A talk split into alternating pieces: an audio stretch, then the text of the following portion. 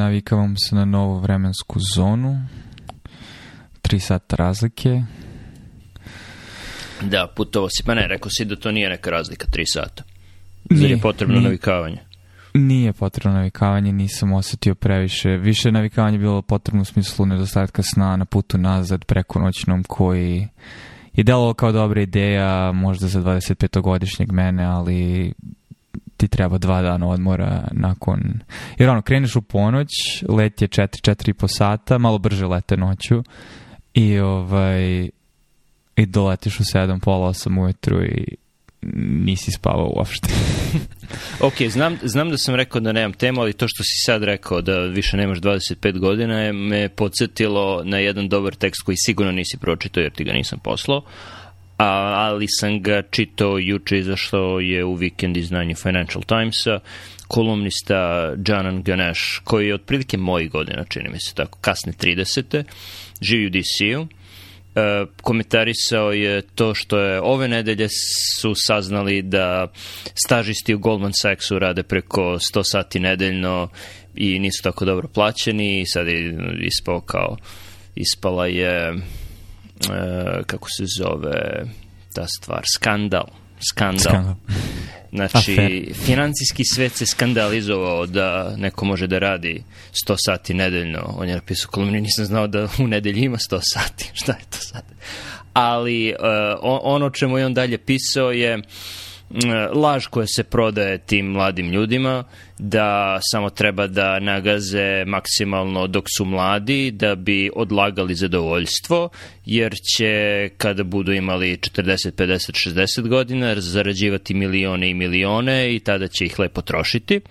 ali on je sasvim dobro, pametno i lepo primetio da da, trošit ćeš ih sa 60 godina, ali na šta, jer postoje samo neke stvari koje možeš sa 20-25 godina do 30 da radiš, koje sasvim sigurno nećeš moći da radiš u 60-im, a da nije mnogo štetnije po tvoj organizam, pod jedan i pod dva imaćeš mnogo obaveza od koje neke možeš da izbegneš ako želiš, kao što su brak i deca, a neke koje su više stvar sreće kao, na primer, zdravlje tvojih roditelja i da li ćeš morati o njima da brineš, zdravlje tvojih braća i sestara, da li ćeš morati o njima da brineš, o tome ne možeš to, to, to ne možeš toliko da biraš. Tako da, nakon Ma, 30... Da, deluje, u ovoj kulturi mi je da ljudi se ponašaju kao da mogu da biraju. Pa, ne, da ali, ne, ne, mogu da, mogu da biraju u smislu da neću trošiti vreme, ali ću trošiti novac time što ću da platim ljude i ustanove koji će brinuti o njima. Sada pričamo, ne pričamo o stanovnicima siromašnih krajeva grada, pričamo o nekome ko potencijalno zarađuje milione kasnije, da i onda trošiš no. Da. taj novac da svom starom roditelju plaćaš neki neki dom za negovanje, dom za stare ljude assisted living facility. Da. da. E, tako da da, da je to, da je to ono, prodaju prodaj im rok za sveću e, i na kraju čak i kada kažu ok, pa na kraju ću onda bar da se penzionišem, pa ću u penziji da, da uživam i da trošim ljude, da, ali tebe takav život uh, u kome si opsednut penjanjem, les, penjanjem penjanjem lestvicama hijarhijskim i sakupljanjem para navodi da i slobodno vreme trošiš na slične, slične avanture, tako da ćeš ti u svom slobodnom vremenu nećeš, ne znam, sedeti i čitati prusta ne, i piti vino, nego ćeš napraviti vinariju sa svojom etiketom i, i učestvojećeš u ovim takmičenjima, onim takmičenjima, oni će od hobija napraviti korporaciju. Tako da tako da me to jako podsjetilo na medicinsko obrazovanje u Americi, gde mi apsolutno znamo da, da nedelja ima 100 sati i više od 100 sati i gde se dosta stvari, dosta stvari svodi na odlaganje zadovoljstva. Tako da se ne razlikujem u tom smislu mnogo od nekog Goldman Sachs stažiste, razlikujem se o tome šta te čeka na kraju duge, ne čekaju te milioni dolara i uh, e, pustoš koju ostavljaš za sobom po pitanju financije tvojih klijenata? Um, okay. Imam jedno tri, četiri komentara koji svaki može sada dolati da u, u zasebnu konverzaciju, tako da ću se truditi da budem što decidniji. A, komentar na ovo posljednje što si rekao, mislim da je rezultat toga što turnover, burnout, um, ili broj ljudi koji ne stignu do te poslednje instance u a, Goldman Sachsu ili tim finansijskim kućama je mnogo veći u smislu da je sigurnost na poslu i broj pozicije koje možda zauzmeš kasnije mnogo manji u odnosu na medicinu, tako da da, kompenzacije su možda manje, ali ono, trade-off ti je sigurnost posla, jer jednom kad prođeš kroz residency kao lekar, principu si zaposlio. Znači, teško bi bilo reći da nećeš imati posao na ovaj ili onaj način. Dok dosta ljudi prođe kroz to iskustvo finansiranja. Znam da što sam gledao, imam zanimljiv YouTube kanal, podelit ću ti link, gde devojka pričala o svom iskustvu Goldman Sachsu kao stažista i onda je dobila a, i pritom ono, istočnoazijsko poreklo, strogi roditelji, velika disciplina, visoka ambicija. Jedan trenutak kad je otac opšte i pričao sa njom i osjećala se kao da ispunjava njegovo očekivanje bilo dok je radila za Goldman Sachs. Znači veliki spoljašnji pritisci, nenormalno toksična kultura, da, mnogo mladih ljudi koji se svi guraju, rade nenormalne sate, na kraju to za nju završava poslom gde dobija posao u Hong Kong grani Goldman Sachsa gde um, radi tamo možda nekih 8 meseci, onda skapira da to nije za nju, jer Mislim, barem iz jedne perspektive ljudi koji su u toj priči i, prioriteti u životu i odnos prema životu, ljudima a, i stvarima je mislim, vrlo očigledno, vrlo materialistički i svi igraju statusne igre, količine novca koji su akumulirali kako bi se osjećali dobru vezu sa svojim životnim izborima i potencijalno opravdali sve te žrtve u ranijim godinama. Uglavnom, ona je napustila sve to, ali je bilo zanimljivo vidjeti to iskustvo, a na neki način se poklapa sa, sa time što kažeš.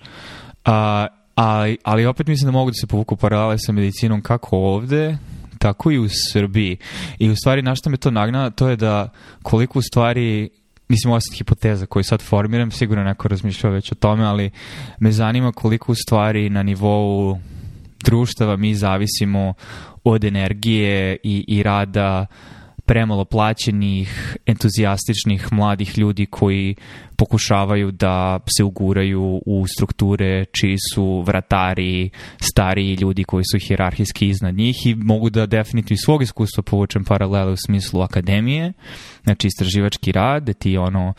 kao student u koleđu, posle postback, posle PhD, postdoc, nenormalne sate glaviš da bi sebi otvorio vrata, ali u principu napreduješ karijeru svojih nadređenih koji ne moraju da rade te sate jer su oni svoj dug odužili. A, ili, znači, u domenu bolnica koje, kad ne bi imali rezidente, na što bi to sve ličilo, koji rade 80, 100, 120 sati nedeljno. Ili u Srbiji volonteri u kliničkom centru koji pitanje je kako bi to se... Mislim, barem iz priča ljudi, naših kolega, um, vidiš da barem način na koji sada se taj sistem nap postoji, funkcioniše šta god, u velikoj meri je zavisan od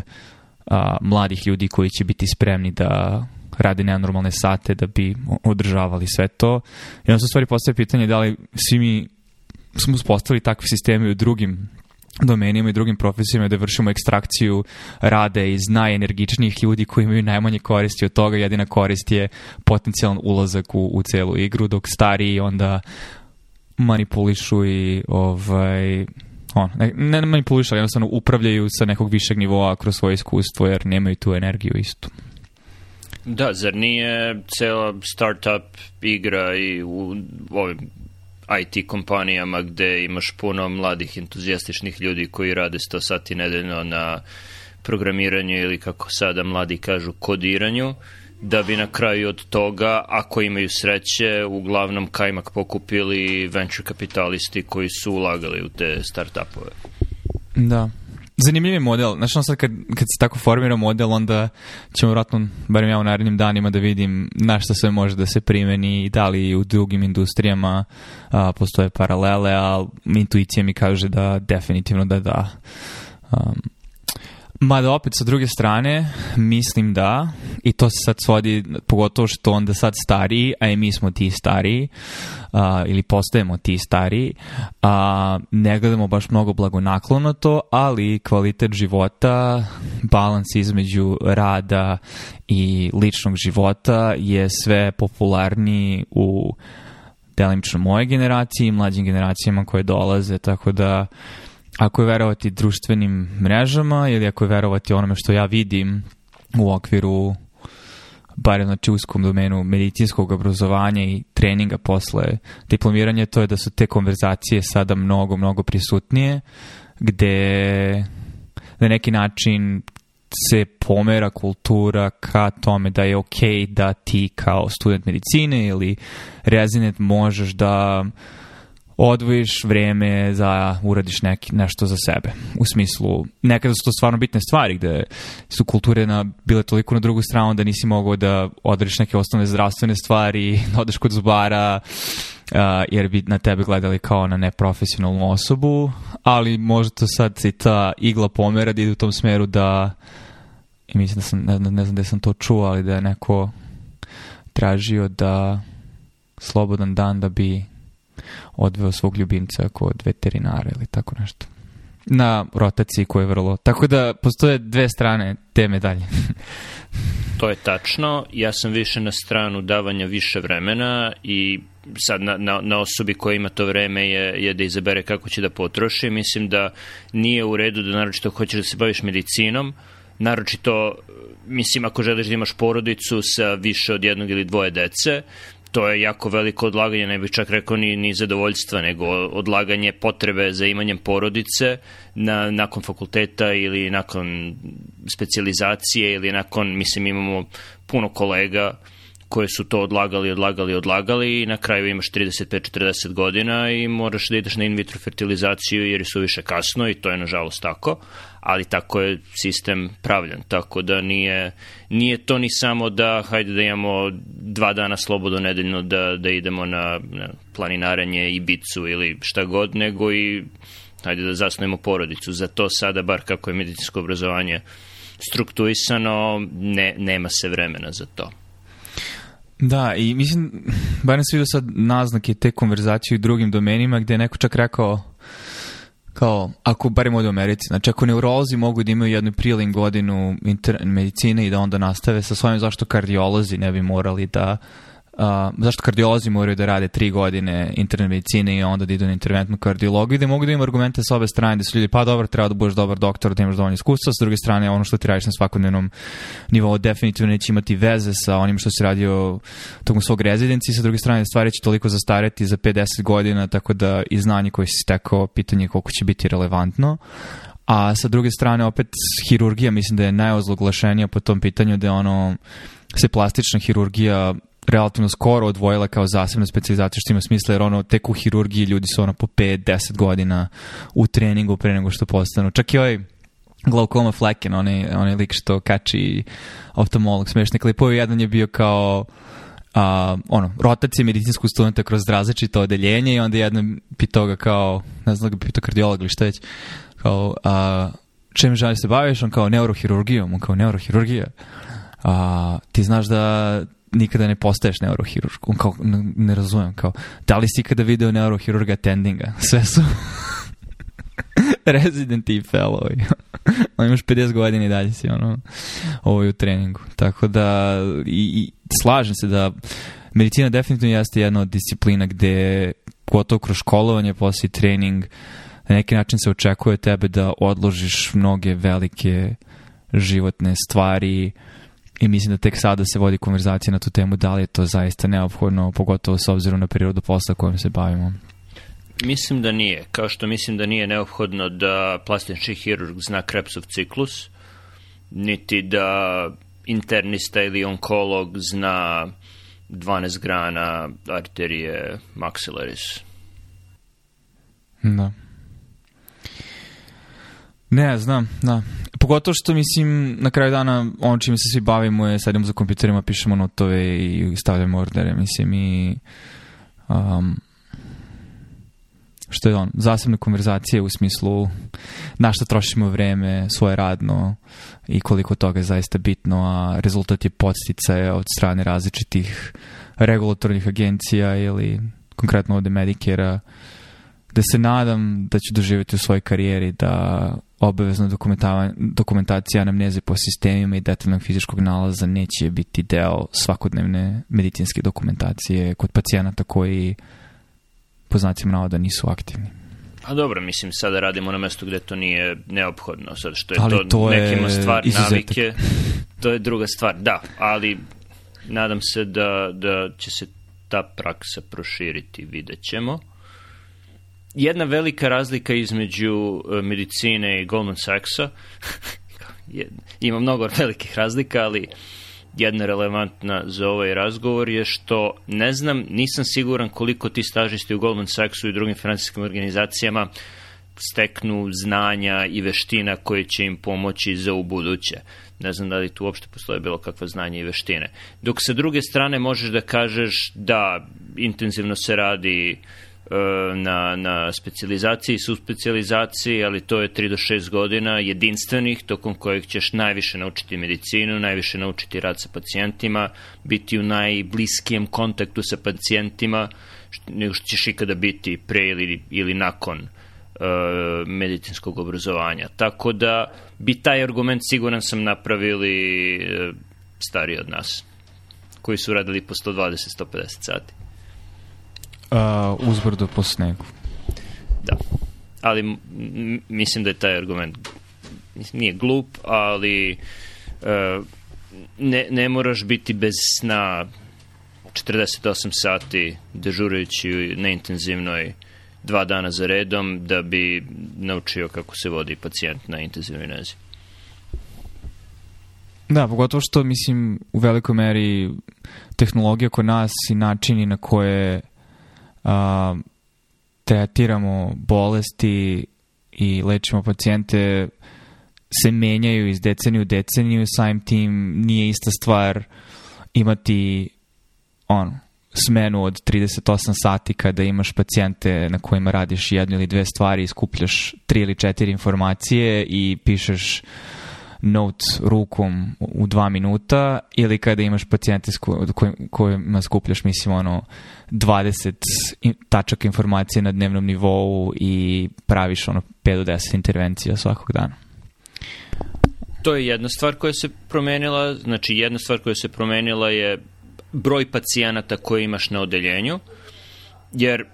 neko je lepo primetio, pacijenti koji bismo mi nekada držali po ono, dve, tri nedelje u bolnici i ti se dobro upoznaš sa njima, njih sada šaljemo na uh, ovu, prevedi mi subacute rehab, na rehabilitaciju da. uh, ili u staraški dom,